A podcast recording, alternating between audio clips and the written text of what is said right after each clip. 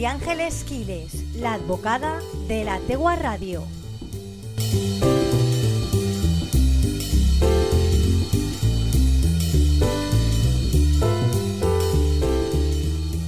Buenas tardes a ti y a todos los que nos escucháis. Es viernes, toca hablar de derecho y como venimos haciendo en las últimas semanas, vamos a dedicar este programa también al futuro de las ciudades tras la pandemia.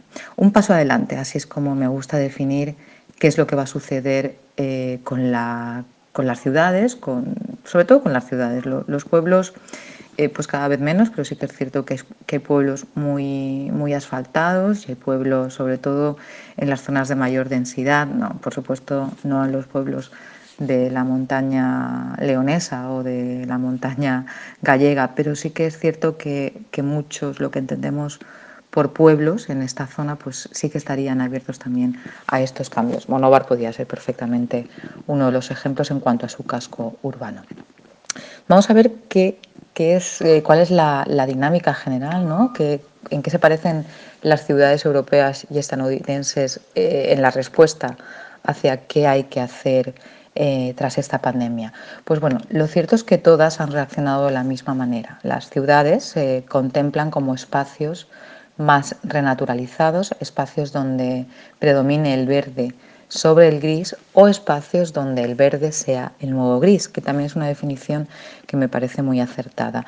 Vamos a intentar que todo lo gris se convierta en verde y que cuando hablemos de una ciudad, cuando pensemos en una ciudad, no pensemos en una amalgama de edificios y de calles y cables y semáforos y etcétera, sino en todo lo contrario, en, espacios muy verdes, como decíamos la semana pasada, espacios que curan, espacios verdes como infraestructuras de salud.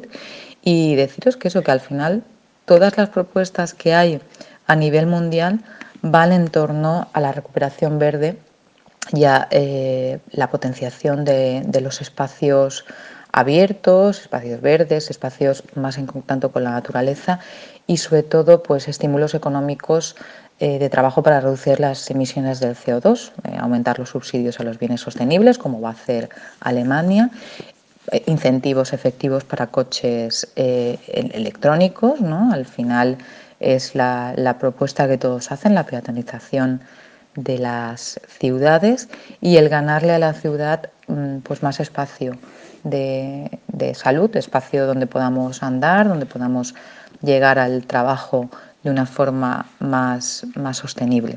Os cuento también por qué. Vamos a ver, eh, ha habido una, especie de reticencia al uso del transporte público, obviamente porque es un lugar donde, donde pues puede haber contaminación, y lo que no podemos hacer es consentir volver a la utilización del coche por parte de una, dos, tres personas, ¿no? el coche privado. Tenemos que seguir invirtiendo en transporte público, pero en un transporte público eficiente, un transporte público en el que no haya aglomeración, en el que no haya masificación, y eso solamente podemos conseguirlo con itinerarios alternativos eh, de llegada a, los puestos de trabajo, bien sea peatonalizando las calles, bien sea utilizando otros vehículos de, de, impulsión, o bicicletas, patines, bueno, todo obviamente va a depender del, de la distancia que recorramos.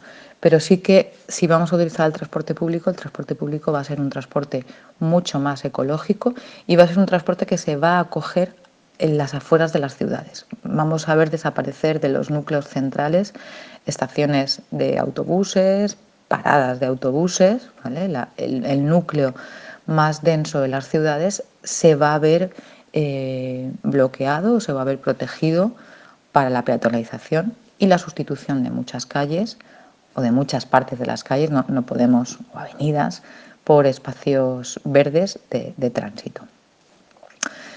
tenéis que tener en cuenta que actualmente estamos respirando como nunca un aire de calidad, ¿vale? la atmósfera está limpia, más que nada porque ha habido una disminución del tráfico evidente. Entonces tenemos que aprovechar esta oportunidad única, obviamente, para buscar una manera de regular mejor la movilidad. Eh, Milán mm, va a peatonalizar 35 kilómetros de sus calles para este verano, en, bueno, pues en ayuda, asesorado por, técnicos de la ciudad de Nueva York, que también están intentando llegar al mismo punto. Vamos van, a van a aparecer el concepto de supermanzanas en la ciudad de Barcelona, ya aprobadas en 2015, pero que no habían tenido un revulsivo para ser ya directamente puestas en funcionamiento. Em, con el plan de supermanzanas, por ejemplo, de Barcelona, pues vamos a permitir la expulsión del tráfico de un 70% de la, de la red viaria. Se ganarían 7 millones de metros cuadrados de espacio público, muy necesarios para el desconfinamiento y el, y el, distanciamiento social, que es lo que estamos hablando. Se reducirá de manera drástica la contaminación atmosférica y se reducirá de manera significativa la contaminación por ruido.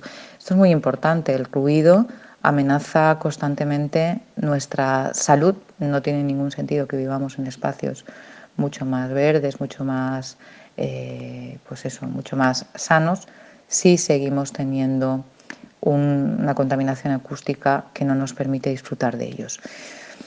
Mm, pues no, no, quiero extenderme más, vamos a seguir viendo qué va a pasar en, en otras ciudades europeas, en ciudades americanas, pero bueno, deciros que todo apunta a que vamos a, ir hacia una ciudad muy verde.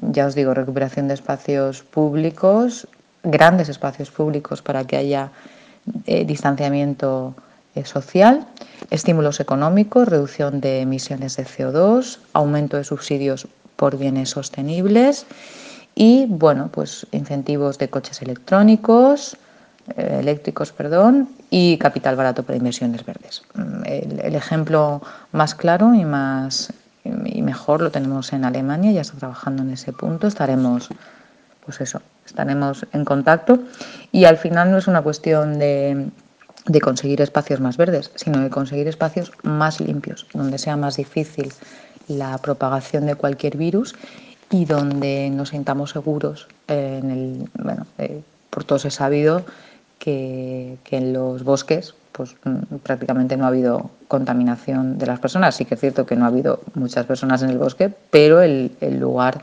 los lugares, los bosques, los montes, son lugares muchísimo más asépticos, son lugares donde pues eso ahí fluye, eh, hay una pues corrientes de viento que lo que permiten es que los espacios sean más limpios. Dicho esto, pues nada, eh, nos seguimos escuchando el viernes que viene. Intentaré buscar alguna ciudad, estamos en, proyectos, ¿no? Intentaré buscar alguna ciudad que ya esté avanzando en, esta, en este ámbito. Y nada, nos escuchamos el próximo viernes. Un saludo. María Ángeles Quiles, la advocada de la Tegua Radio.